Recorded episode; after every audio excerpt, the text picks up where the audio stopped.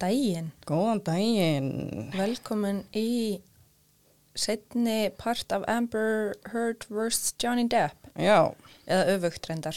já, við erum ekkert með neitt spjalla því að við bara þurfum að fara beint í málið að því að þetta eru langið þættir. No time for chatting. Nei, þannig að við ætlum bara að dempa okkur beint í þetta. Yes sir. Ég ætla bara að byrja á því að segja stutt frá UK-træjalinu Já. Og svo förum við í bandaríska og förum yfir sönnunagögn og vitni og allt það. Já, en byrju ég ætla áður hana hérna, ef einhver er bara medalli fyrir þessu eins og ég, þá er mynd um UK-trialin sem heitir Johnny vs. Amber. Já. Og svo náttúrulega líka Netflix myndin um hérna US-træjalið. Já, það er allir búin að sjá hana maður. Já, Þetta var top trending, þannig á Netflix er þetta koma út. mhm. En ok, já, segð okkur frá The Trial, UK Trial. Já, og eins og ég sagði í síðasta þætti þá hérna 13. júni 2018 kærði Johnny Depp the Sun tímaritið og Dan Wotton rítstjóran á greininni fyrir meiðirði eftir að þið byrtu greinina sem hétt Gone Potty, How Can J.K. Rowling Be Genuinely Happy í gæsalöpum Casting Wife Beater Johnny Depp in the New Fantastic Beasts film. Depp valdi að fara í mál við The Sun og Dan Wotton í Englandi frekar en í Bandaríkjunum. En vörninans í Bandaríkjunum segir að það var ekki annað í bóði þar sem The Sun er brest tímarit. En í Englandi þarf það að vera með sönnun til að bakka upp það sem þú ert að segja. Og í þessu máli það sem var skrifað um hann og byrt. Þannig Amber þurft að koma sér vittni fyrir The Sun og sanna að henni hafi verið beitt óbeldi til þess að The Sun geti unni málið í Englandi. Vörninans Depp sagði við breska dómstólinn að hann vildi freka fara í máli í Englandi þar sem dómari þar raukstuttan dóm til þess að réttlæta úrskurð málsins en í bandaríkjónum væri kviðdómur sem væri ekki eins áreðanlegur. Í Englandi var aðeins eitt dómari sem kemur með raukstuta ákvörðun, eins og það heitir í Breitlandi, meðan í bandaríkjónum var sjömanna kviðdómur sem kemur með úrskurð kviðdóms. Depp segist alltaf hafa tapað, sama hvort hann vinni málið eða ekki. Það sem hann þurfti að ganga í gegnum út af ásökunum var tapið. Ástæðan af hverju hann ætlar að halda áfram að berjast er fyrir fólkið og konur sem hafa lendi óbeldi og ekki trúað. Og að Ember sé að ljúa að þeim með því að vera einhver baráttu kona fyrir fórnalömp heimilisóbeldis, að ef hann getur hjálpað einhverjum, þá mun hann halda áfram að berjast. Depp gaf viljandi ekki upp helling að sönnunargögnum í UK-málunni. Það komst óvart upp þegar að lögteimiðans gaf óvart um 70.000 skilaboð sem þau áttu. Þar kom fram hvað hann var að drekka og dópa mikið í gegnum sambandið og þau báðu um að það eruð ekki notað en dómari leiði sérfræðingi að fara yfir skilabóðin og nota það sem væri viðigandi sem sönnunagagn í málinu. Depp sendi inn sönnunagagn og þegar þau voru búin að liggja þarna í marga mánuði og svo var cirka vika í réttarhöldin þá sagði hann og teimið hans að þau heldu að sönnunagagnin væri fölsuð sem að þau sendu sjálf inn. Þá átt að koma inn einhver expert og kíkja á gögnin en þau vildu það ekki þannig að þau sögðust ekki lengur efins með trúverðugleika gagnana. Einni bað Depp um að Ember væri ekki vittni í málinu og að hún fengi ekki að taka þátt í málinu en dómari neytaði þeirri beðni. Þegar Depp reif Amber upp stígan á hárinu árið 2015 og dró hana milli herbergja, sló hana og öskra hann hata hana, hrind henni og sló, hann skalla hana í andlitið sem hann segist reyndar að hafi verið slis, en játar að það hafi gerst. Dæin eftir átt hún að fara í The James Corden Show og förðunafræðingurinn og hárgreislumistarinn báru vittni í UK-træjalinum. Að hún hefði verið marinn og það vantaði búta úr hárunennar og þau segja að það hafi tekið langa tíma að fela þetta allt. Annan november 2020 gaf hæstiréttur Breitlands upp samþyktan dómsinn. Þar telja þau, eða hann, þetta var eitt dómari sem tók loka ákvörðun, að það sem stóð í The Sun greininni væri sannleikur og að sakbortningar höfðu sannað að Depp hafi beitt hörd ofbeldi allavegana í tólf mismunandi tilfellum. Þar sem hún hlaut áverka og ótaðist um lífsitt, þannig Johnny tapaði því máli. 16. november sama ár 2020, tveimu vikum eftir úrskurðin, rindi Deppa áfrjá domnum en dómari neytar beðnans. Og hann reyndi að áfrjá nokkru sinnum en það var 7. apríl 2021, það var ákveðið að hann fengi enga fleiri áfrjunar kosti. Nú ætlum við að fara í US-træjalið. Það var 1. mars 2019 sem að Depp kærir Amber Heard fyrir meðirði þegar hún kemur fram í öðru tímariti sem heitir The Washington Post og segir að hann hafi beitt hann á ofbeldi. Hún nefnir hann ekki á nafn en allir vita hvernig verið að tala um.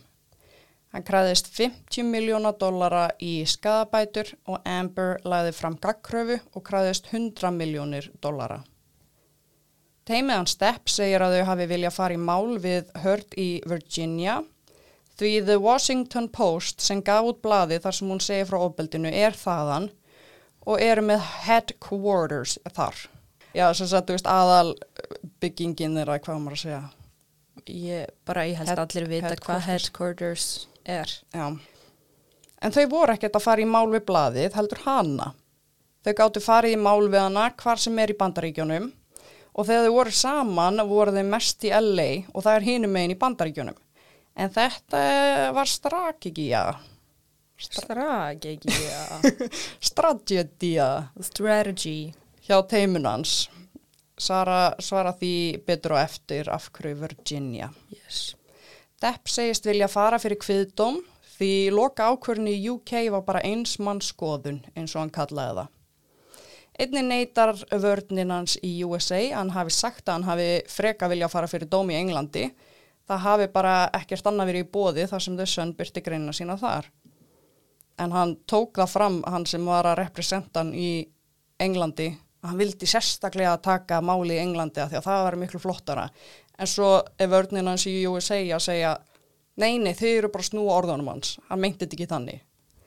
En hérna opening statementi hjá teimuninnar Amber var mjög stert. Ég vildi bara svona henda því inn.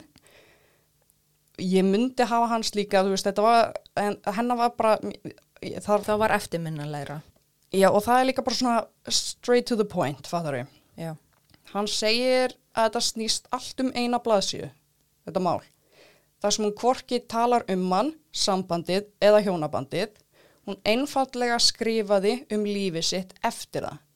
Þetta er um freedom of speech. Þetta er ekki um sápu óperuna sem Depp mun láta þetta mál enda í. Þetta er ekki um hvernig þið líkar betur við. Þetta snýst ekki einu sinni um hvort þú sérst sammála orðunum sem hún skrifaði, heldur hennar frelsi til þess að segja þau. Wow, ok, bam. Já. Þetta er mjög sterkt. Þetta er basically það sem fólk þarf að spá í. Já, Það er allir að berjast fyrir freedom of speech hana. já, málfrelsi er þeim mjög mikilvægt. Já. Þannig að þetta var mjög stert hjá henni, Já, eh, hjá teiminu. já. Núna ætlum við að fara aðeins yfir sönnunagögnin sem að voru í málinu og við byrjum á myndunum en við ætlum að setja nokkra þræði inn á Instagramið okkar, má ég eiga við um orð með myndum. Þar koma myndir af áverkum þeirra beggja, af puttanum hans og áverka í andliti. Einnig ætlum að setja myndir af hennar áverkum í andliti og höfðanar þar sem var búið að rífa úr hár. Það var orðrómur um að hún hefði photoshopa myndina hennar og ég held að allir hafi heyrt það. Bara, já, hún photoshopaði þetta bara. En það kom sérfræðingur og skoðaði myndafælinn og það kom ekkert upp að hún hefði verið photoshopið. Mm -hmm. Hann hefði séð það en það kom ekki upp. Þannig að þetta var líklega bara Já, þú veist, það er allt, satt. já, það var Ég bara- líka bara með SMS-in að þau hefði verið tæpuð upp í tölvunni og það væri allt feik, fattar þau, það er alltaf, er alltaf þannig. En þau hefðu ekkert fengið að koma í réttarhöldunum. Þessi skilabóð, þessa myndir, ef að það hefði einhver sagt bara, já, þetta er photoshopað, þá bara hefði verið hendis út. Mm Það var manneski sem að fór yfir þetta allt. Já. En við ætlum líka að setja myndir af áfengi og dópi sem að voru teknar meðan þau voru saman. Þar sem að Johnny liggur áfengistöður og af nýpnum sem hún gaf honum. Já, hún, það var eitthvað rosa móment að því hún gaf honum eitthvað nýf og lögfræðingun hans er eitthvað myndi maður gefa manni sem að er að beita mann óbildi nýf og eitthvað en hún útskýrði bara að þetta var bara þau voru nýbyrju saman og hann elskaði nýfa, átti sapna nýfum og átti líka sapna bissum og mér fannst það bara svo fallið nýfur að ég ákvaði að gefa hann um þetta. Mér fannst það ekki vera mjög stert hjá lögfræðingunum. Þetta byrja alltaf rosa hægt sko ofbeldið en svo bara magnaðist það og magnaðist það þannig að hún var ekkert eitthvað þegar hann var í byrjun kannski að bramla hluti í nóvestennar þá var hann ekki eitthvað já ég er lífshættu Mhm. bara nei hún var alltaf að snúa upp á orðin hennar ég Mhm. þóldi það ekki en svo koma myndir af SMS-um og e-mailum sem hann hefur sendt sem eru mjög sláandi. Við hefðum líka sett frá henni ef það hefði verið eitthvað sem hefði verið uh, í réttarhöldunum. En það voru bara engin einhver svona SMS skilabóð sem að voru rosalega sláandi eða eitthvað. Það var eiginlega bara eitthvað sem hún sendi mömmunni eitthvað, hún væri hrætt við Johnny og eitthvað, en það var ekkert svona á hana. En við ætlum líka að setja myndir af skemmdum húsgögnum og hlutum sem að skemmdust í rifrildunum þeirra á milli. Svo erum við með endalusta hljóðupptökum en við ætlum bara að fara yfir þær sem okkur finnst mikilvægastar. Það kom líka upp að sko innan hús hönnuðurinn hennar og þeirra og eiginlega vinkona hennar skrifaði undir eitthvað skjál fyrir réttarhöldin þar sem hún staðfestir að Amber var óbeldisfull við fólk og hún hafi séð það. En hún kom svo heim til Amber eftir þetta og Amber tók upp samtali þeirra í leini og hún sagði, þessi innanhús hönnur, hún sagði á upptökunni að JD væri the biggest asshole under the sun Johnny Depp sem sagt. Já, og að lögfræði teimi hans hefði kúa hana í að skrifa undir skjalið. En þetta var svo löngu upptaka að við ákveðum bara útskýra frekar og það er bara hægt að googla það. Já, hún er til. Já, En núna ætlum við að spila hljóðupptökur og ræða þær aðeins. Fyrsta hljóðbrótið kemur núna og þá erum við að hlusta á þau, í, þau eru að rífast og og mér, mér finnst að vera rosalega svona, mála rosalega skýra mynd af sambandið þeirra. Hvernig hann talar og hvernig hún talar. já, og hann tekur hringin á sér og kastar honum hana Já, en það er þannig hljóðið sem við munum heyra. já, hann eh, hlustum á það. Well, one thing is for sure, I don't want to be with you. I don't. I really don't. Then, if you don't want to be with me in life, Goodbye. then you need to actually do it. You need to actually take off your ring and forget that five hours ago you said the opposite. Otherwise, you can't keep throwing that around. You can't keep saying to me that this is something you care about.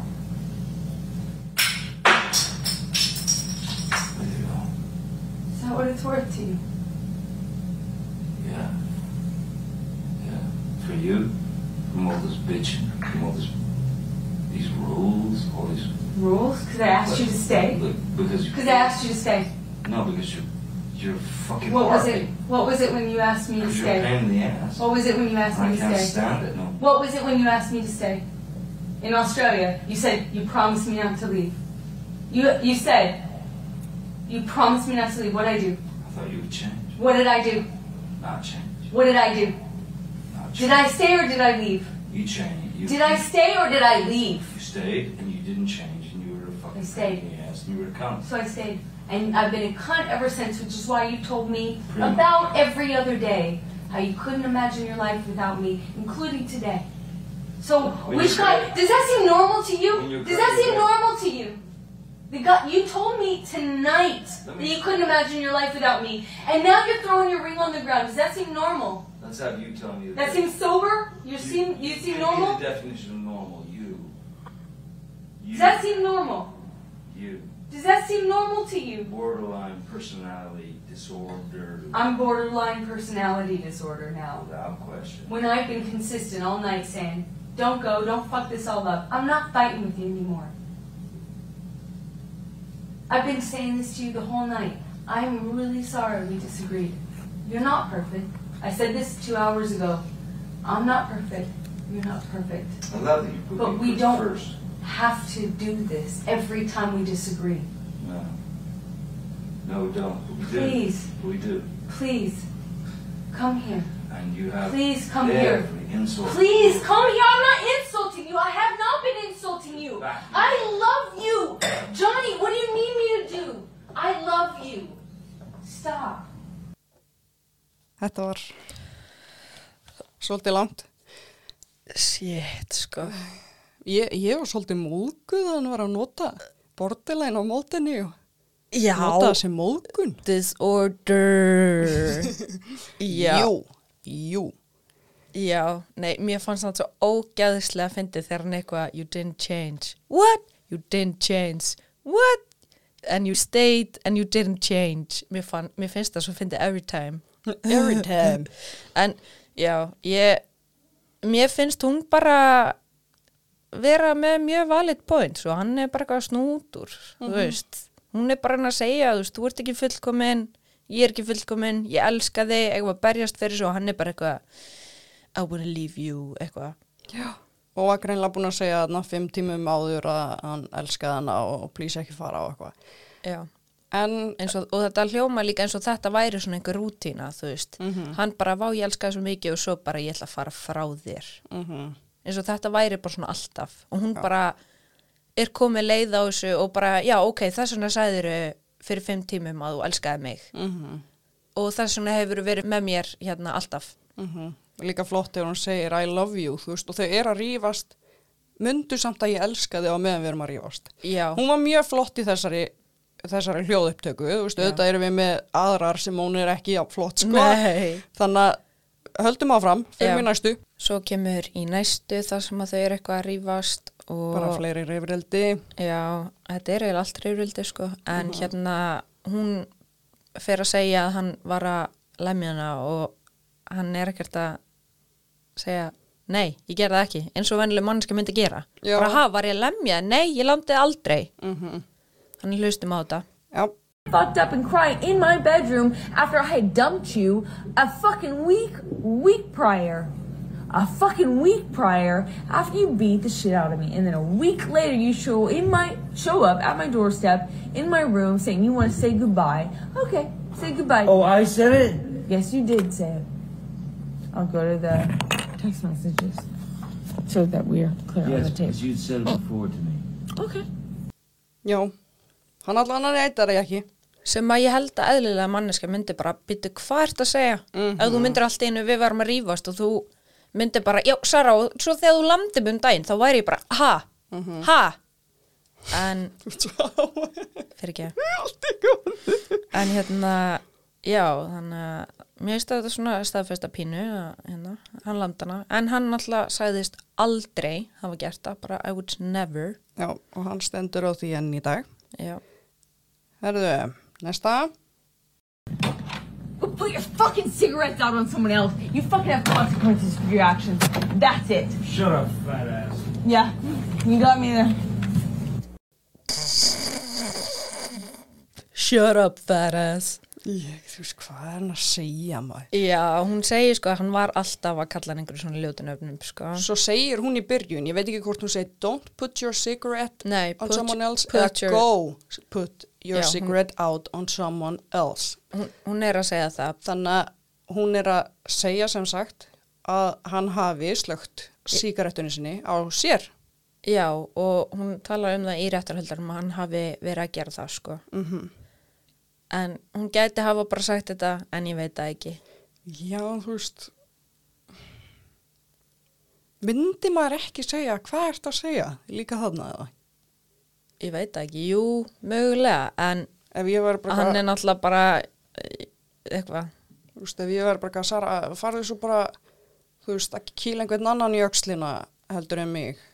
en við samt líka vitum að þú veist, það er að stablisa í træjalunum að hann hafi bara hana þrótt fyrir að hann hafi ekki sagt það. En mér finnst að við líka kannski vera að skoða þú veist, ok var hún að beita hann jafn mikið ofbeldi þú veist, var, En það eru rosalega margir sem trúa því að hann lagði aldrei hendur á hana. já, ég, ég skil það ekki sko, því að það bara, þau tala svo oft um bardagana sína, bara þar sem að þau eru bara í physical fight Já, en, já, já, förum í næsta já, næsta. This is really pretty. Thanks. You want to cut me somewhere? Do I want to cut you? Yeah. You want an arm? You want a chest? What you want? Where do you want the scar? What do you want? Cut me. Just don't cut your skin. Please do not cut your skin. Please don't. Cut me. Why would I do that? It's easy. Don't. Please do not do that. Please do not do that. Cut me. Please don't. Please don't cut yourself. You don't need to cut yourself. Thank you. There's sperm on the pillows.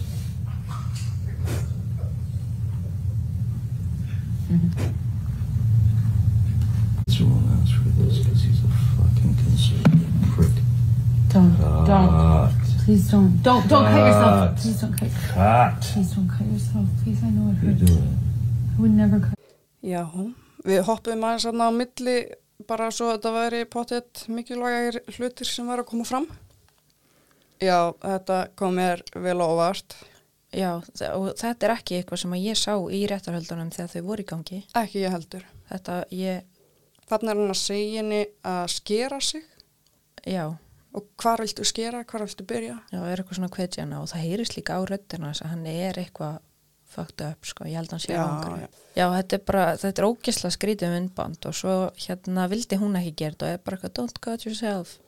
Þá sko snýr hann hnípnum á hana Mhm. og ætlar að skera hana og hérna er myndband, eða upptaka við hennar viðbröðum. The knife is really dull, and it would be the worst thing in the world to use to cut me with. It, would be too painful and dull and dirty to use. Yeah, that's the tip of the knife. Já, þannig er hún bara, Að veit, beita rökum af hverju hann ætti ekki að skera hana. já, bara að segja þetta er allt og lélugur hnífur og hann bara eitthvað, ég lýsa hnífnum og Já, þetta er rosa, ég veit ekki eins og hvað ég á að segja um þetta, þetta er svo skrítið, förum bara í næsta. já, þetta er rosa skrítið og líka þegar hann er eitthvað cut, cut, Ég, rosalega þetta skrítið. er svo spes, sko. Já, Já, svo uh, eru að fara að spila upptöku þar sem að þau eru að rífast eftir sambandslitin já, og hún, mér finnst hún vera svo ótrúlega svona róleg og málefnaleg og kemur öllu svona, herðu, þú veist, ef þú ætlar að gera þetta þá mun ég bara þurfa að segja mína sögu. Mhm, af því hann var alltaf að tala um að hérna, allt hans fólk myndi bakka hann upp ef að keim eitthvað en hún er bara, já þá ætla ég bara að segja um hvað gerðist við mig og þau, eitthvað. Já, og þá byrja hann að segja, já, þá byrja ég að sendi myndir og þau eru bara svona svolítið að, en hún bara segir þetta svo rólega að ég held að þetta sé svona hennar uh, communication style. Bara ef þetta þá þetta og á meðan hann er meira svona eitthvað snú út úr og eitthvað. Já, en hún alltaf fer líka upp, sko, og, auðvitað, auðvitað en ég held að hún sé oftar á jörðinni heldur en hann mhm, en hlustum á þetta, had, saw all the bruises and broken uh, broken blood vessel under my eye, the bruises on my head, the missing chunks of hair, the split lip, the black eye, the swollen nose, all that shit because you're stronger. It does not mean it does not mean because they heard me that I'm somehow more responsible. It just means they heard me because I yell in a fight. You do provoke. I yell. It doesn't mean I'm more responsible or badder. However, I am exposed via that. The distance of between Cafe Cabrones and the house is significant, and I know, I know that that does not mean that they got an accurate representation of our fight. But if you told them stuff, great, cool. Thanks for exposing me. As I said to you before, don't do it again unless you want me to really also my side of things. Because trust me, You're welcome you know, to. trust me, you know I have a different side than you. And if I show them pictures and stuff, I'm sure they'll have even more different side. And in fact, if I tell them even more stuff, they'll have even more clear picture of what I think are both sides. Maybe I if should you- show. Maybe I should show But- him right. this But if you, this. that's true. You from can do, the mineral you- spirits. You can do whatever you want. Uh, you uh, can do whatever you you can do whatever. By the way, do it. I, I promise you, do it. Do whatever you, You don't want. want me to do that. No, you only They'll you do never speak to you want. again. You do whatever you want. Já, ég veit ekki hvað ég á að segja við þessu nema bara að henni fannst þau vera með sömu hlið á þessu sem hann var kannski ekki að segja mér fannst það svona að vera bam mhm, you go girl Já, en svo náttúrulega er fólk bara með mismunandi truth. Já, en þú veist, hún er bara að útskýra fyrir honum bara þú veist, hættu að segja allt við alla um mig af því að þá þarf ég bara að segja mína sögu á málinu Mm sem að ég held að sé okkar beggjalið, eða fattaru hún segir það eitthvað og þú veist, eins og hún sé að gefa í skinn, eða þú veist að hann veit alveg að hann beitt hann á beldi og hann veit alveg að hún meiti sig mjög mikið. En hann er bara ekkert að segja neinum þá hlið Já. Ég er náttúrulega bara að reyna að halda þessu mjög hlutlausu á meðan við erum að segja frá þessu, svo kem ég með mína skoðin í lokin Já, ég, og Sara líka. já, ég er að reyna að vera hlutlaus en svona, þetta er það sem ég tólka út frá bara myndbandinu Mm Herðu, það var næsta. Svo mun allir eftir fingrinum fræga Jú, sem jú. að hún átti að hafa skorið af Mm en það er rosalega mikið að gögnum til það sem að hann segir I chopped my finger off Já, það er til bæði í SMS-i Já, eða e-maili, ég man ekki hvort það var. það var held ég SMS til hljókunar Já, rallana skriflegt. Og svo er hljóð upptaka. mm og, hann, og þetta er ú, upptaka úr réttarhöldunum þannig að hann spilar þetta nokkru sinnum hlustið á Já. Fight you're talking about? I don't know. I'm talking about. Australia, the day that I Now we're shot talking about. Australia. Okay. Yes. You hear that? And you said the day I chopped my finger off. Let's let's play it again. Let's That'd do be it again. great, thank you. Fight you're talking about? I don't know. I'm which talking about one. Australia, the day that Now I we're shot talking my about finger. Australia. Okay. Are, are you sure that's Yeah, let's do it one more time. 'cause what you I'm actually saying? don't. Or is it the day that I got my finger chopped off? No, no. You say the day that I chopped my finger off. So let's play it one more time because I think I left out the word that. It says the day that I chopped my finger off. Fight you're talking about? I don't know. I'm talking about. Australia, the day that Now I we're talking about. Australia. Okay. og gett mikið að snúa út úr eitthvað The day that I got my finger chopped off bara, Já. gaur, þú varst að hlusta á upptökuna Já, hann segir greinilega that I chopped it off. já, og svo var líka Skrifleg. já, Mhm. þannig að Ég hendi um á einsta. Já, þannig að mér finnst eiginlega frekar að hann hafi skorið hann af. Já, hann var náttúrulega einhverju- búin að vera með brotnaflöskur og eitthvað hann að... Já, en svo tók hann líka bara hníf og Já, var að já. skera kjöti niður í búta. Já, þannig að þetta er hver eitt, Já, orðgjarn orði og allt það. já, næsta, nú kemur upptaka úr frá fleiri rifrildum, Það heyrði allir þessa upptöku, sko. já, og það sem að hún er að, Tala um að hún hafi ekki barið hann, heldur hún hafi slegið hann. já, hit, I hit you.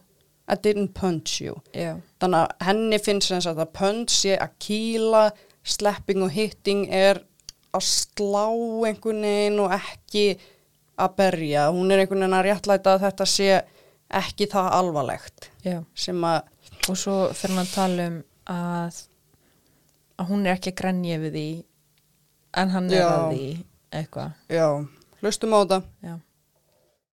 Travis, I said, no, I said to you, hey, tell Travis what just happened. Oh, you told me to do it. You told me to. You said, go do that. I said, no, tell, tell him what just happened. And happened. I And lied. that you punched me in the You're right. fucking thing. And you, You figured it the out. face. And you said, no, fucking, no, I didn't. What the fuck are you talking about? And I, I didn't watched punch you you. lie. And then I I, didn't punch you, by the way. You, I'm sorry that I didn't uh, uh, hit you across the face in a proper slap, but I was hitting you. It was not punching you, babe. You're not punched. Don't tell me what it feels like to be punched. You know, you've been in a lot of fights. You've been around a long time. I know. Yeah. No, I- when you fucking have a close You fist. didn't get punched. You got hit. I'm sorry I hit you like this.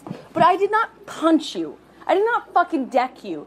I fucking was hitting you. I don't know what the po- motion of my actual hand was, but you're fine. I did not hurt you. I did not punch you. I was hitting you. How are you tough? How? What am I supposed to do? Do this? I, I'm not sitting here bitching about it, am I? You are. That's the difference between me and you. You're a fucking baby. Because you start. You are such a baby. Grow the fuck up, because you start Johnny. physical fights. Já, Já, þarna er hún nokkurn veginn bara að hæðast á honum já, hún er að gera grína því sem hann er að segja þess vegna er hún eitthvað, yes, and I told him eitthvað, og hvað það var íslensk reym Tóldin! I told him Já, en já, hún lítur mjög illa út í þessu. já, Þetta en var ljótt. Já, en sko, hún er samt að tala um tvo sikkura, um, hvað ég segja, bardagana hana. Hún er að tala um eitthvað þegar hún sló hann og sagði Travis eitthvað. Svo farði að tala um annan bardaga, eða reyfrildi, þar sem að hún er búin að loka sig inn í herbergi og er að slá hann í burtu svo hann kom ekki að því að hann er að reyna að koma inn í herbergið.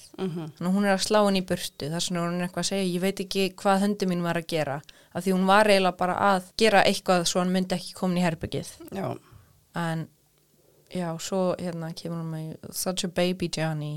Já, það er allagt óbeldi. já, þetta er hæðilegt sko Verðu, næsta. svo erum við með myndband þar sem að það kemur rosalega óskýr um, hljóðupptaka en þetta var spilað í réttarhöldunum og spurt hana úti Já, og þá gefur hún svona smá samhengi já. þannig að spilum þetta never defend myself that way. I never see myself as a victim. It's Alright. too fault, you know? All right. Yeah. And I, I, I, when they came, I did not cooperate with them. It has been used against me, not by the media, by your side. And, and what are you referring to there?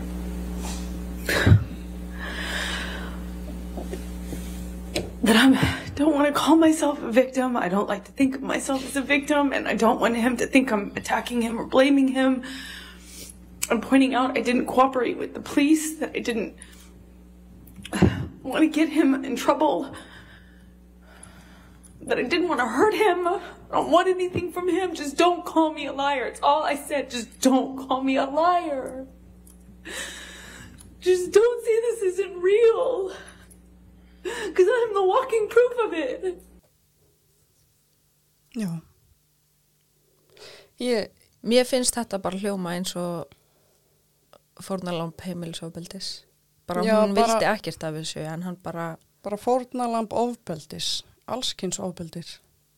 já, Þú vilt láta trúa þér. Já. Hversu vond er á lendir í einhverju og það er ekki trúa þér.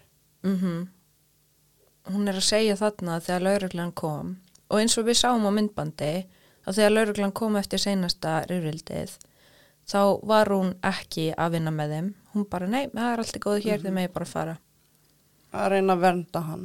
já, hún reyndi alveg að uh, vendan reyndi að slökka á öllu þú veist, hún vildi ekki vera, hún sá sér ekki sem fórnalamb hún vildi bara gleyma þessu halda áfram með lífið. Já, en hann var víst eitthvað að fara með hinn og þessa hluti lengra sem að hún vildi ekki Já. og kalla hann að legara Mhm.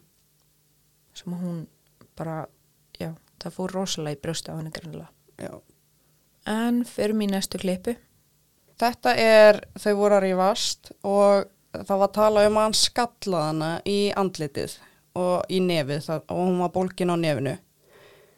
og það eru til myndir af því sem að mjög margir segja að sé photoshopaðar Mm En hann sem sagt, hún segir að hann hafi skallað sig. Hann segir að, fyrst segir hann að hann hafi skallað hana og það hafi verið slís. Hann tók það fram í UK-træjalinu.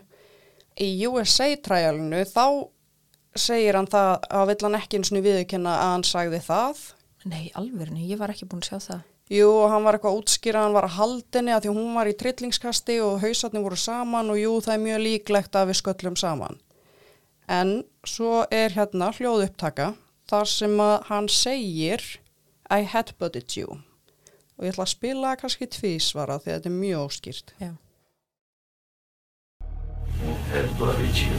Fucking Couldn't do anything then. forehead. Headbutted you. Fucking Couldn't do anything then. forehead.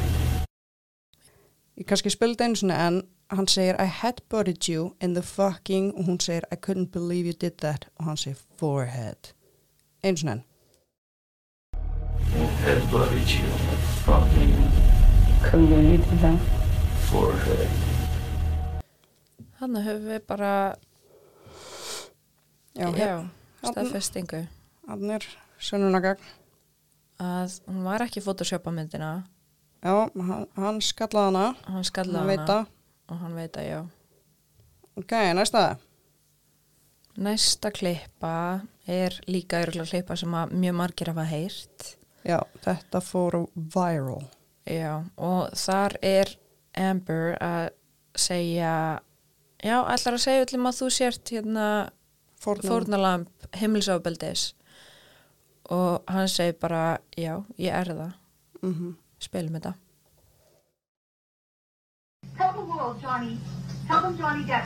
I, Johnny Depp, man, I'm, I'm a victim too of domestic violence. And Yes. What did you say in response when Miss Heard said, Tell the world, Johnny, tell them Johnny Depp, I, Johnny Depp, a man, I'm a victim too of domestic violence? I said, yes, I am. Já, ég held svona að hún hafi þarna verið eitthvað að hæðast á honum. Algjörlega, þetta var, þetta var bara, mér finnst þetta mjög ógislegt, sko. Já, en samt á sama tíma verandi búin að sjá hennar hlið þá kannski var hún bara gaur, þú veist, nei. Já, þú varst náttúrulega- ekki fyrir ofbeldi. Og hún náttúrulega bara 100% trúi því að heimurum minn standa með henni þegar hún kemur fram með allt sem er búið að vera í gangi. Mhm. Og þá mun enginn trúa honum að hann var fórnalamb Já, sem að endaði ekki þannig nei, eins og við var veitum. eiginlega bara snúið tilbaka á hana. Já, en svo er síðasta klippan og þá er bara embur að drulla yfir hann og segja Já. ógislega hluti. bara komið með ógefanum Hlustum. Else we shouldn't What, what else do you want to fucking say to me, you piece of shit? What else? You don't have anything else to say to me? Cool. I wish you the best. Hey, why don't you fuck yourself? Go suck your own dick. You're used to. Oh, also, um, I'll write you a check for the extra sip I took. Is that okay? Stingy old fucking piece of shit. You're the one that brought it up. Mm-mm. You did. You said don't drink my wine. That's mine. I didn't say that. Oh, you didn't? I said I didn't think you were looking for anymore. Og já, þetta var Já, mjög ógislegt andlegt óbeldi. en á sama tíma þá held ég að hún sé bara komið ógeð Já, en það er náttúrulega, en nei, það er útskýring, það er ekki... réttlæting. Nákvæmlega. En já, ef við þá að fara yfir vitnin? Endilega, segja okkur frá. Já, ef við byrjum á hans vitnum, þá hérna fekk hann mjög marga til að bera vitni fyrir sig, en flesti sem að báru vitni voru starfsfólk. Uh Það var fólk sem að sjá um húsin hans, umbóðsmenn, öryggiskesla, einhverju lögfræðingar, svo var það nágranninn hans sem að fórhaldi að væral, systir hans sem að vinna fyrir hann, læknirinn Dr. Kipper frægi, hjúkarinn sem voru að starfa fyrir hann, hljóðtækni maðurinn hans sem að er líka vinnur hans og svo pararáðgjafinn þeirra. Hún kom hans megin og við verðum eiginlega að taka það inn í myndina sko. Að flesti sem að báru vitni fyrir hann eru eða hafa verið á launaskrá hjá honum. Já, verðum eiginlega bara, það er eiginlega bara faktor sko í þessu. Svo kom Johnny líka sjálfur sem vitni og förum aðeins yfir það. Hann rætti neysluna sína mjög opinskátt. Hann talaði um að það var ekki fyrir enn í setni tíð sem hann byrjaði að taka kókain, töflur og drekka í miklu mag- magni. Hann klemdi taug þegar hann tók upp 4 og fekk þá Roxycodone sem þú tekur og ferð on the nod eða bara í djúpsöfn og hann talaði mjög mikið um þær í réttarhöldunum og eiginlega svona eins og það væri það eina sem hann væri að nota. Hann varð háðið þeim og gati ekki hætt því hann vildi ekki fara í frákvörf og frákvörfin á þessum töflum er sko rosalega intense eins og við tölum um í senasta þætti. Hann segist hafa hætt að taka þær eftir hann fór í detoxferðina á einu sinni með Amber en svo var eins og hann hafi eitthvað talað um að hann hefði farið on the nod eftir það sko en ég veit það ekki. En hann lærði það í æsku að það besta sem hann gætt gert í rifrildum var að fara úr aðstæðum og hann tók það með sér í sambandið með Amber. Húnum fannst að eina leiðin til að fá frið væri að fara úr aðstæðum. Svo hann fór og læsti sér alltaf inn í einhverju herbergi oft í rifrildum. Húnum leið eins og hann hefði gifst mömmu sinni þegar hann var giftur Amber og hann lísti ábeldinu frá þeim báðum sem konstant. Hann sagði alltaf it was constant eða stöðugt, alltaf. Þegar þau byrjuðu saman þá var Amber ljúf, fyndin, gáfið og umhyggjusum. En það endist í ár eða eitt og hálft ár. Svo fóru hlutinir að breytast. Hún fóru að gera hluti sem voru mjög undarleir Hún leiði honum aldrei að hafa rétt fyrir sér og hún leiði honum ekki að hafa rödd og mér fannst það vera, mér fannst það bara vera stöðugt að koma upp í réttarhöldunum. Mm -hmm. Hún fór í kerfi þegar hún brauti einhverju rútínu sem að þau höfðu og eina af þessum rútínum var þegar hún kom heim þá tók Amberin alltaf úr skónum og rétt honum vinklas. Þetta var bara svona rútína millir þeirra þegar hann kom heim. Svo einu sinni kom hann heim meðan hún var í símanum þannig að hann settist í sófan og klætti sér sjálfur úr skonnum og hún fór í svaka kerfi bara hvað varst að gera og hann eitthvað þú, þú varst í síman þannig ég klætti mig úr skonnum og þá sagði hún nei þetta er mitt hlutverk ég klæði úr skonnum og hún var eitthvað rosalega worked up og bara ok ég fer og sækja vinglas fyrir þig og hann var bara hvað er að gerast Hún fór að vera mjög stjórnsum, hann fann fyrir mikillir reyði og pyrring frá henni. Hún byrjaði að slá hann, kasta hlutum í hann og hún fór að segja hann væri slæmur pappi, þannig eins og náðist á einni upptöku. Þar sem að hún segir að stjúpfær Jax getur kent honum að vera meiri maður heldur en Johnny gæti. Hann gæti ekki fara að hitta börni sín því að hún vildi hafa hann bara alveg út fyrir sig. Hún gerði líti úr honum og var bara búlíinn hans. Hún þurfti ádeilur.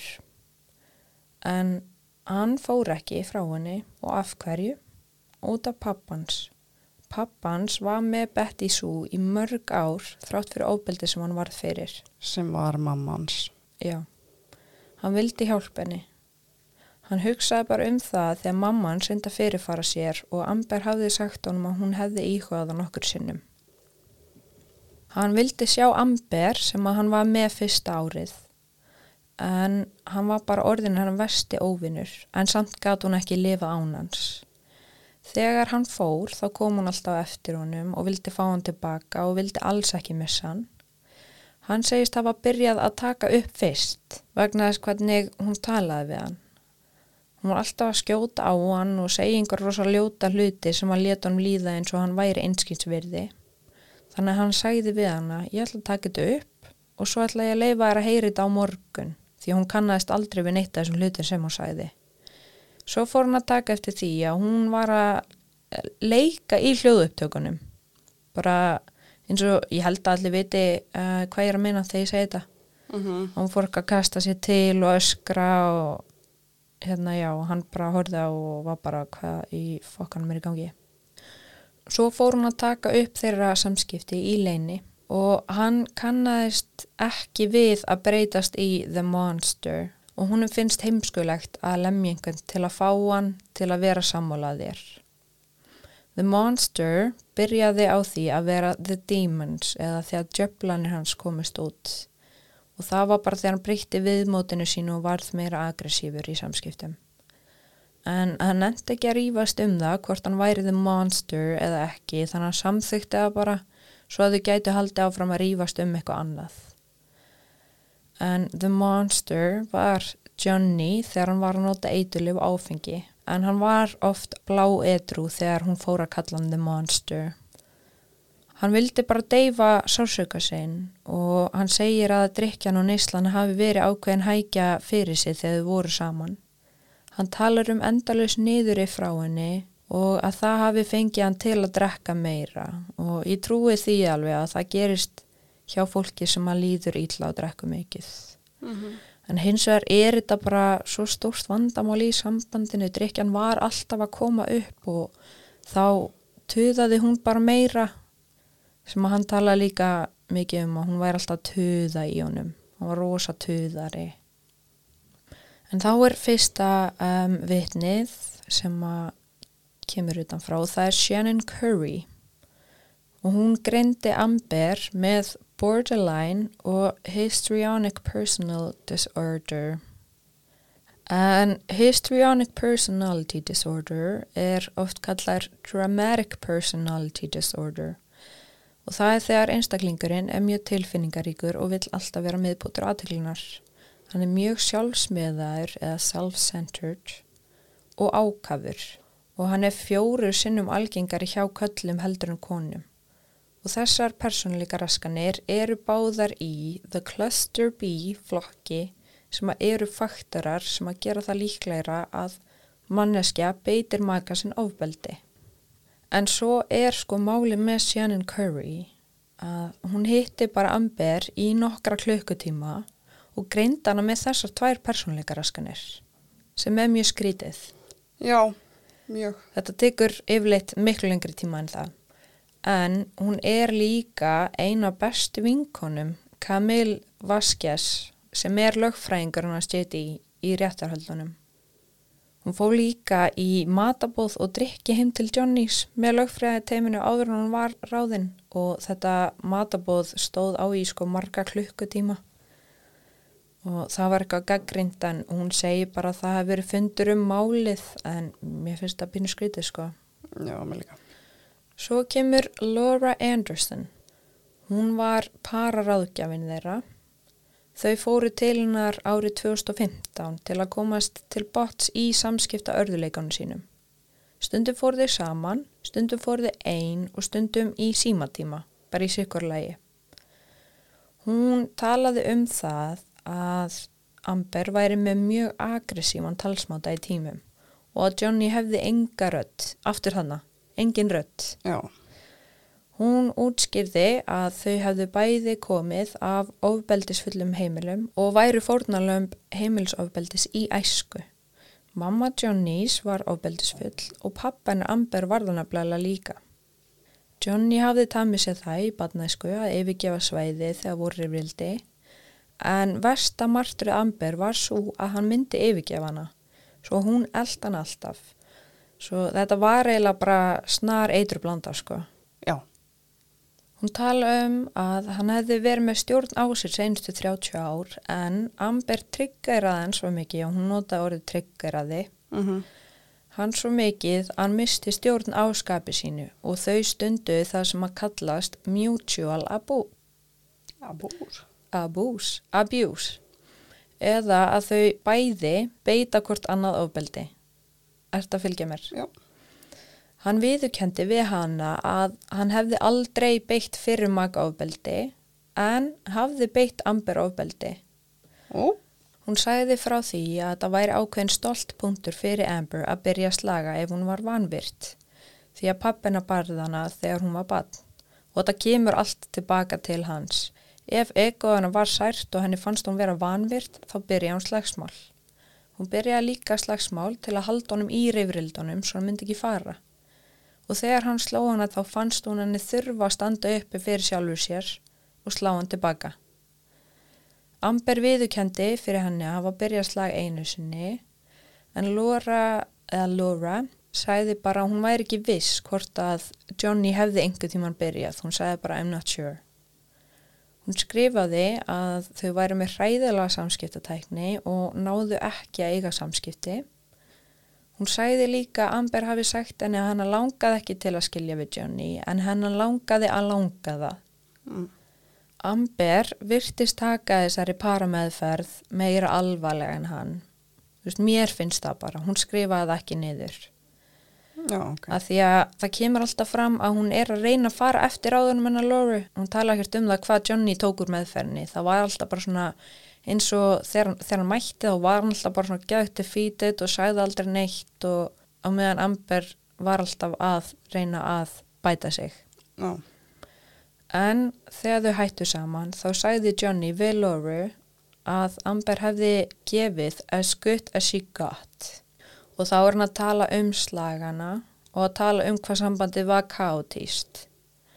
Hún heiti Amber líka eftir afmælið og Amber síndi henni mar í andlitinu sínu og hún sagði frá því í réttarhöldunum bara já, ég sá þetta mar. Já. Þá kom við að doktor Kipper sem var læknirinn hans. Mhm. Ég skoðaði nótunum hans og það kom alltaf bara, já, honum líður vel og hann er bara góði róli, en við vitum að það var ekki þannig. En Dr. Kipper er frekar shady karakter. Hann var ekkert að skipta sér af nýsluna stjónís, en var samt að hjálpa honum að vera edru einhvern veginn. Þetta var mjög skrítið. En Dr. Kipper var rannsakaður árið 1998 fyrir að detoxa fræga einstaklinga á hótelherbergjum. Sérfræðingar segja að þessi aðferð að vera með einstaklinga í af eitrun á hótelherbyggjum er óörugt og mishefnast oftast af því að það leifir fíklinum að stjórna sinni eigin meðferð og það er ekki þeim í hægin. Ozzy Osbourne segir að Kipper hafi sett hann á svo sterk lif þegar hann tók upp The Osbourne Days. Þau voru svo sterk hann gæti vel að talað fólk segir að þetta sé, og þetta er bara fólk á reddit og svona, ég skoðaði það eins, en fólk þar segir að þetta er bara svona típisk þjónista að svo lengi sem hann fær sín laun og gerir bara það sem að kunin vill, þá heldur hann bara þannig áfram og er á launaskraf sem lengst. Varst ekki búin að ræða eitthvað með Ossi Osborn í síðasta þætti? Jú, það var bara, ég var bara aðeins að veitna í það en hérna, mm -hmm já, ég vildi segja þú veist, Ozzy Osbourne, hann sagði þetta mm -hmm. hann var svo stert livjar, hann gæti alltaf að tala í þáttanum og það ja. Bara kíkja á YouTube, bara please do it þetta er alveg gett fyndið en já, já, ég var hleyja á þessu en svo kom Bruce Witkin hann var sko, hann var hennar megin en hann sagði að Dr. Kipper væri bara einhver skemmer og hann væri ekkert að hjálpa Johnny og hann var alltaf að heyra í fólki í kringum Johnny að lýsa áhyggjum sínum varðandi Dr. Kipper Já. Og sumir voru sammála ánum sko eins og Vanessa Paradís. En svo voru aðrir sem að sögðu bara já, honum líður vel. Og hann kom líka oft í heimsókn þegar Johnny var að taka línur og fá sér áfengi. Og á meðan var svona sobriety nurse eða hjúgrafæraengur sem að er að hjálpa hún með edrumannskuna hún var oft á svæðinu á meðan sem að húnum fannst mjög skritið Já. svo kom frægi Kínan Watt. Uh, það var hljóðtæknimaðurna Steps. Og hann var mikið spurður út í The Boston Plane Incident. Mm að því að hann var á svæðinu og hann var sko spurður bak og fyrir og hann sagði alltaf I don't recall. Já, þegar var verið að tala um að hann sparkaði Amber. Já, og bara var að segja hinn og þennan hlut við hann mm -hmm.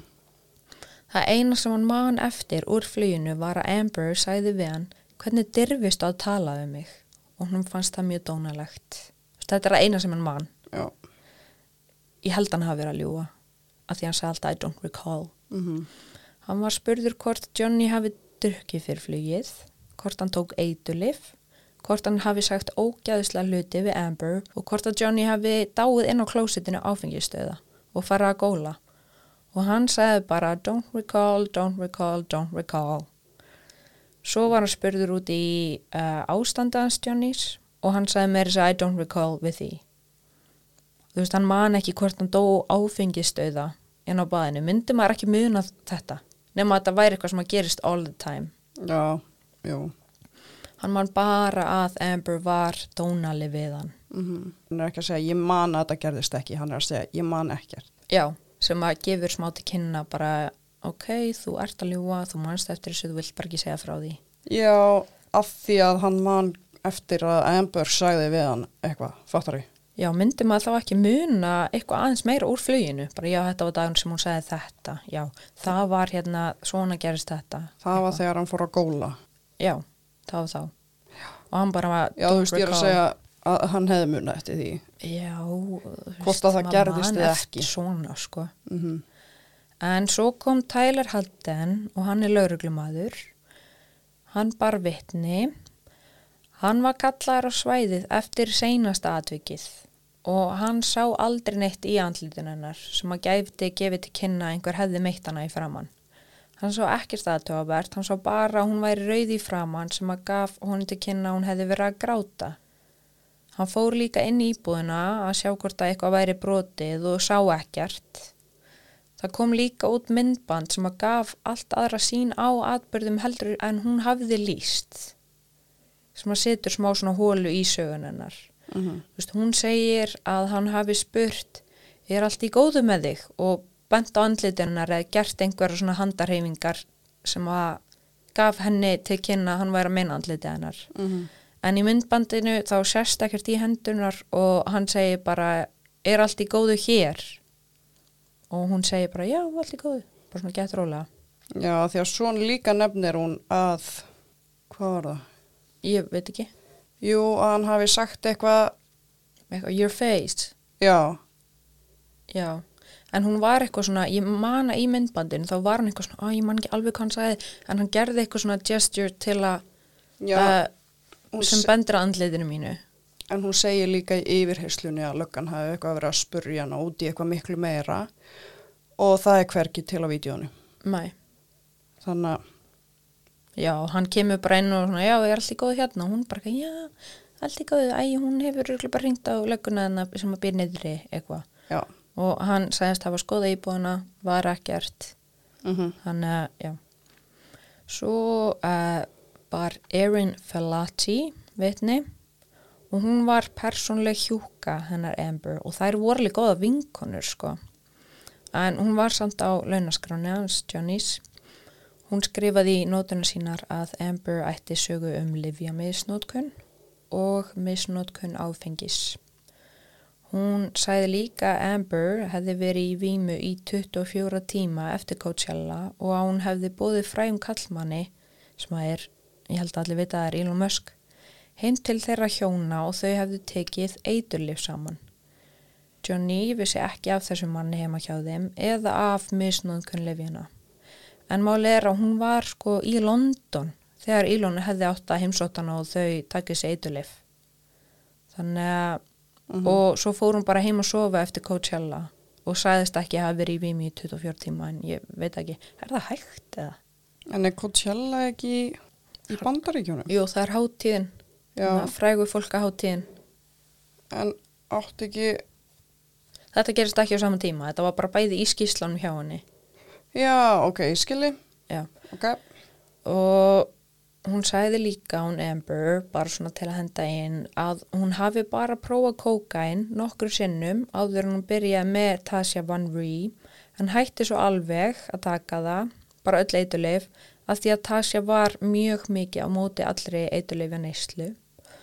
Og eftir hún byrjaði með Johnny þá tók hún MGMA einu sinni með honum en kvöldi endaði bara hræðilega fyrir hana. Þetta var hann að þegar konan læðist á aukslinarnar og þau fóru að rýfast. Mm -hmm. Hún ákvaði að gera það bara aldrei aftur. Hún segði bara I learned my lesson. Og svo sá hún líka í nótunum sínum að hún væri greint með bipolar disorder, codependency issues og ádröskun og Amber þver tók fyrir það. Þannig ekki með bipolar og hins er borderline. Já, þú veist er bara einhvern veginn verið að reyna að henda á hann alla greiningar sem eru hægt. Mm -hmm. En svo kom Kate og ég held að það hafi flestir vita, þú veist, heyrt hérna af Kate. En hún var fyrrum aðstofakona Amber. Hún talar um að hún hafi bara fengið 25 dólar á tíman og þegar hún baði um launahækkun þá hafi Amber rægt framann í hana. En hún er ekkert rosalega trúverðug að því hún tala rosalega mikið um það í veitnisspörðunum hvað hún var súr út af laununum sínum og hún tala líka um að Amber hafi oft verið full og livjuð og hún hafi beitt alla í kringu þessu ábeldi og meðal þeirra var sýstir hennar og mammenar Mamma Amber. Já, mm -hmm. og þannig á Whitney. Já.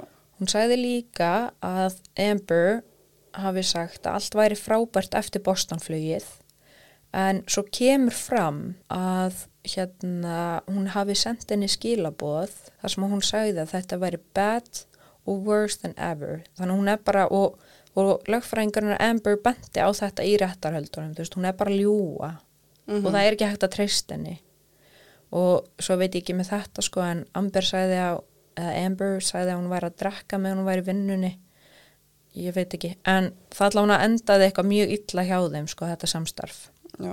og þetta eru svona vitnin sem að mér fannst hafa mest að segja fyrir hann og hinn voru bara eitthvað svona expert witnesses og eitthvað svona sem var eitthvað merkilagt Já.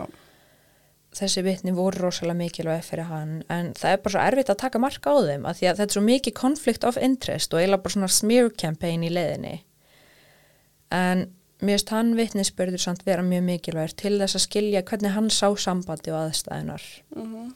en svo koma vitnin hennar sko og þetta, eru, þetta er miklu meiri blanda þetta er ekki eitthvað starfsfólk sem að hún er með vinnu og, og mér finnst eiginlega verða að taka með að hún, þetta fólk er bara að koma og bera vitni þú veist, þau hafa ekkert að geina Já. meðan hans fólk kannski fær launahækun uh, eitthvað flug, einhvert eða eitthvað, hann veist, getur alltaf búið þeim eitthvað sem að þau myndu vilja sko, meðan hún hefur ekkert Já. og þetta eru ferum starfsfólk hans vinir hennar einn vinur hans, þannig að Bruce og svo bara expert witnesses. Og við byrjum bara á Adam Waldman og það er lögfræðingurinn hans í UK réttarhöldunum. Sem sagt lögfræðingurinn hans Johnnys. Já, og hann sagði ekkert mikið merkilegt sko, en það sem ég tók úr því var að hann segi frá því þegar þeir hittu fréttamann úr The Daily Mail, hann let mannin fá einhverjar upptökur sem að litu illa út fyrir Amber, Uh sem er mjög shady. En svo kemur Dr. Hughes og það var um, a therapist, hennar megin, og hún kom og greindi Amber með PTSD og hún eitti miklum tíma með Amber og skoðaði málið vel. Hún hafði unni áður með lögfræðteimin hennar Amber og þess vegna höfðu þau samband við hana. Hún greindi hana með PTSD út frá viðtölum. Áfallastreitur öskun. Já, út frá viðtölum og skýslum og svo let hún hann taka próf sem að greini hvort hún sé með áfallastreitur öskun eða ekki. Þannig að það voru miklu vandæri vinnubreið heldur en hjá henni. Mhm. Hún var ósamala af Laura Anderson að það hefði verið mutual abuse og sæði að það væri reactive abuse eins og hekla hefur bent á. Þegar þú ert búin að reyna allar leiðir en ekkert virkar þannig að þú ferð að svara ofbeldi með ofbeldi. Já. Herðu, förum þá í Whitney, yngri sýstirinn hennar.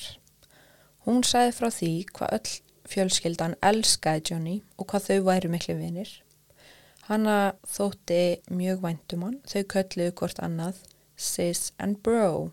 Hún sagði að hann hefði í byrjun bóðið öllum vinum hennar að flytja inn í bygginguna sína svo þau getur kynst. Svo fór hann að breytast. Hann fór að sikta vin hennar út. Hann var ósattur við einn og einn í einu og rak þá mannins sína út úr, þú veist, það sem hann bygg öll. Mhm. Ambar fjarlæðist á þann einstakling. Svo var bara engin eftir og að lókum rak John vittni út og vildi ekki verið kringum hana og Amber byrjaði þá að fjarlæðast sýsti sína Whitney. Og Whitney náði ekkert til hennar og hún vorkendi henni bara því að hún var eiginlega bara umkringt starfsfólkinu hans Johnnys. Þú veist, hún áttinga vini eftir sem hún kalli þetta í. Nei.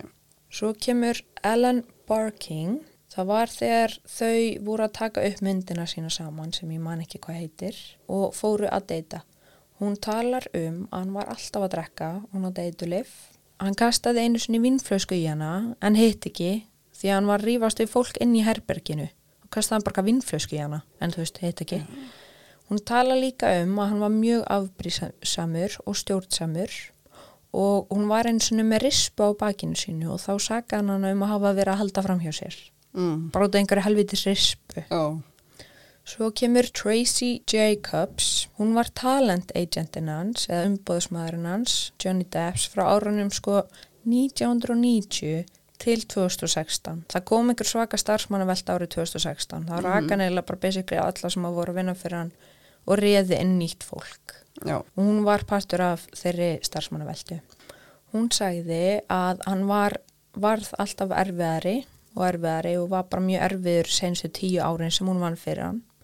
Henni fannst erfitt að vera agentin hans. Hann let settið býða eftir sér og síndi ófagmannslega hægðun þegar hann var að vinna. Hún þurfti að fara til Ástralíu þannig þegar hann misti fingurinn. Já. Og þá þurfti hann að fara tvísvar því það var að vera að taka upp Pirates 5 og hún alltaf að fá kvartanir varðandi hann. Hann var setna á sett, stundum mætt hann ekki og þá þurfti hún bara mæta og setjast með honum og spjalla sko. Mhm. Hún lísti að hann var að byrja að nota meiri eitulif og áfengi og það stuðlaði að því að hann síndi ófagmannslega hægðun í vinnunni. Hún sagði að hann romantasæsaði neyslu. Hún sagði að hann væri með reyðisvandamál sem er vestnuðu með tímanum. Hún sagði að hann þurfti að vera með heyrnatæki á setti til að fá línuna sínar en hann rak hann árið 2016 og þá var hann komin bara með mjög slemt mannorð í bransanum að hann var alltaf setn og var að nota eitilöf og alkohól.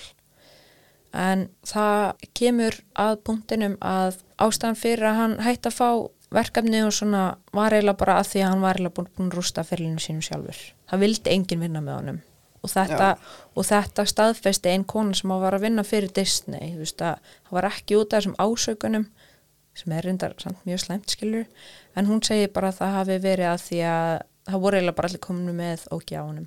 Já, og það er annar maður að kæra hann sem að heitir Greg Brooks. Já. hann er að kæra Johnny fyrir að hafa að hann, er ekki kæran, hann. Er búinn. Þeir eru búinir að setla. Nú ok, en hann kærði hann fyrir að hafa kýlt hann á setti þrísvarsinnum já, og fekk hann að, að fekk einhvern til að reka hann. Mhm, og þá var hann eitthvað fullur og þessi Greg var að reyna að að slökka, hvað segir maður?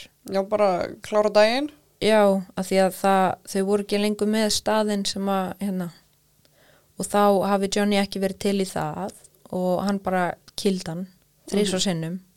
Og svo að því hann vildi ekki skrifa undir svona NDA þá var hann bara rekin en þeir setluðu en Johnny segir samt en þó bara að þetta gerist ekki. Mhm, Svo kemur Melanie Iglesias en hún er fyrrum make-up artistin hennar Amber. Hún græjaði Amber fyrir James Corden og hún sæði í réttarhöldunum að hún þurfti að fela marið sem að var í andlitin hennar fyrir þáttinn og að þær hafi notað meira make-up heldur en vanalega til að fela þetta. Hún sæði líka að hún hefði oft þurft að fela mör á líkamannu Amber eftir að Johnny hefði gengið í skrakka á henni. mhm, Svo kemur Bruce Whitkin og mér finnst hann vera rosalega mikilvægt vitni. já, Af því að þetta er vinur hans Johnny, þetta er æsku vinur hans. En þeir hafa ekki talað saman síðan 2016 sko og það var bara, en búin að vera vinni frá 1984, já, mjög lengi og hann er ekki, þú veist ég held að hann sé ekki að koma fram hennar megin til að hefna sín eða eitthvað þannig. Þetta er bara svona eins og hann sé búin að sitja á orðanum sínum mjög lengi og er bara Johnny, þú veist, þetta er staðan. mhm, En allavega, hann sagði að Johnny Depp væri umkringdur yes-menn og enginn þorði að segja neitt við hann sem að hún er mislíkaði. Því að þá, eins og ég sagði seinast, þá myndi hann bara detta úr einstarhingnum. Hann sagði að Johnny hefði farið hart í drikkjun og efnin þegar hann var með Amber og væri mikið að honga með Marilyn Manson sem að, þú veist, er alveg ákveðin faktor því að afhverju hella. Af því að það er margar konur búin að segja að hann hafi beitt þeim ofbeldi, kynferðislegt, líkamlegt, andlegt og ekki ein margar. Já, og það, Hann er bara nýðingur. Já, og þú veist, maður hefur alltaf heyrt, þú veist, þú ert bara samsetning af fjórum bestu vinnuðinum. Þú veist, og þeir voru mjög mikið saman þarna. Já, ég Þannig- myndi allavega ekki hanga með vinnum mínum sem að væri bara viðbjöður, sko. Nei. En hann hafði miklar áhyggjur, hann Bruce hafði miklar áhyggjur af Johnny, en allir sagðu bara, já, allt er góð með hann, þú veist, þetta er ekkert til að hafa áhyggjur af. Og í réttarhöldunum, þá leta hann bara allt flakka. Það var bara til að fá tækifæri til að tala við Johnny, Já, já, af því að hann lokaði á hann. Hann var að gera þetta fyrir Johnny. Ég held það nefnilega. Já, veist, bara, hann myndi rosalega vel, sko. já, þú veist, bara þessi Bruce er greinlega ekki einhver jesmenn. Hann bara Mhm. segir eins og hlut, hlutina eins og þeir eru og Já. segi sannleikan og eftir að þeir fóru í gegnum einhver réttarhöld saman sem hann tengdist fjármálastjórnum hans Mhm. þá sagði hann eitthvað sem að Johnny mislíkaði og eftir það loka hann á hann en hann var bara að segja sannleikan, hann sagði bara I was just telling the truth Ok, eigum þá að koma aftur að Amber Heard. Já. Við tölum mjög mikið um hennar lið í senasta þætti og hvernig hún lísti sambandinu en við rættum ekki alveg hvernig hún lísti því í heilsinni og hvernig Johnny væri. En þetta byrjaði hann að þau voru að vinna saman í The Rum Diary og Johnny var rosalega gjafmildur. Hann var alltaf að gefa henni gjafir og líka eftir tökur þá var hann að senda henni, þú veist, gítara bækur og alls konar einhverju svona dýra hluti. Þegar þau byrjuðu saman þá var hann sjúklega góður við alla hennar vini og fjölskyldu.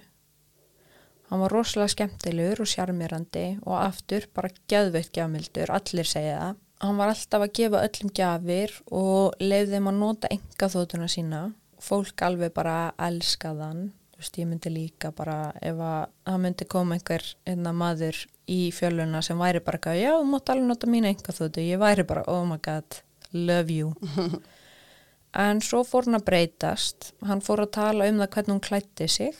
Hann leiði hann ekki að taka hlutverkum sem að hún var. Í flegnum klæðnaði mikið máluð þurfti að kissa eða vera með sexín þá fór þau bara að rífast sko. Og með tímanum þú veist þá var hann eiginlega bara hægt að taka hlutverkum hann var alltaf ásakana um að vera að halda fram hjá sér bara alltaf. Hann var alltaf ógæðslega stjórnsamur og hann fekk stílistan sinn til að vera stílistinn hennar og þá breytti slúkki hennar alveg. Og hún talaði um það sýstirinn sko. Hún var mjög lítið máluð og var alltaf mjög íhaldsum um klæðnaði. Veistu hvað ég meina með því? Nei. já bara ekkert, e, þú veist ekki stuttir kjólar, ekki það sem að Já, sést skora. Covert. Já og sko ég skrifaði ekki niður en ég var að muni þetta, þetta var svakalegt sko. Hún uh, fór einhvern tímann í iPadin hans eða tölvun hans eða eitthvað og þá fann hún skjál þar að stóð eitthvað Johnny, uh, JD is not happy.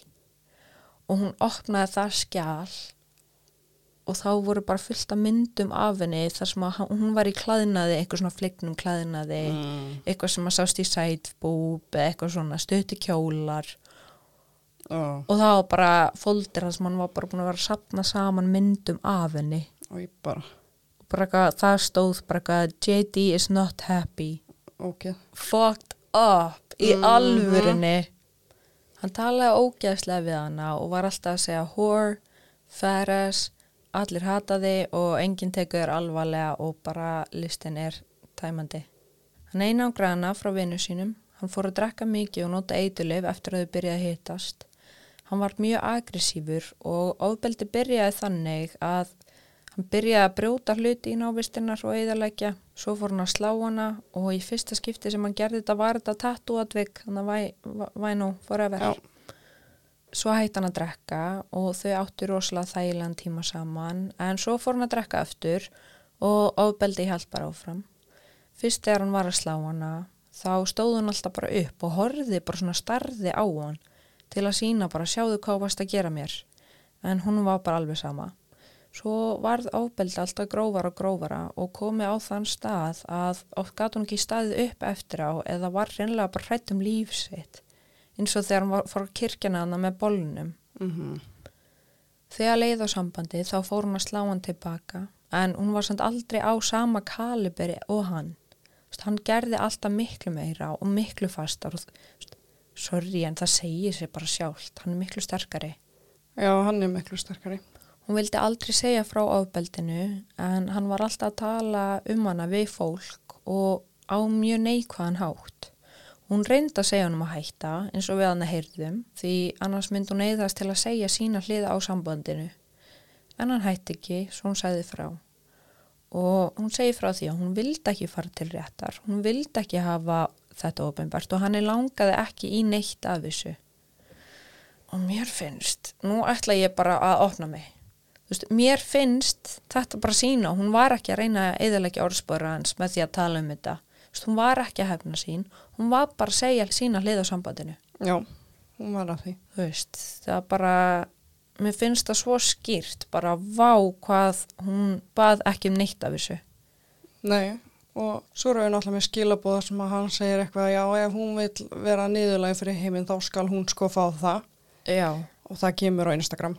og það er komið líka bara þú veist, ég Mhm. setta í myndbandi sko, Já. svakalega langt skilabóða sem hann tala ógeðslega bara um að hann ætla að niðurlæja hana og hún myndi sko fá að borga fyrir þetta og eitthvað bara fyrir að, bara fyrir að segja sína hluð á sem að hann neitt hana í by the way hann neitt hana í að segja þetta af því að hún var búin að byggja hann svo ofta að hætta hætta að tala um þetta, hætta að tala um samböndu okkar Þú veist, annars mun ég þurfa bara að segja mínu hlið á þessu og það er ekki fallið hlið þú vilt ekki að þetta kemur út Mhm.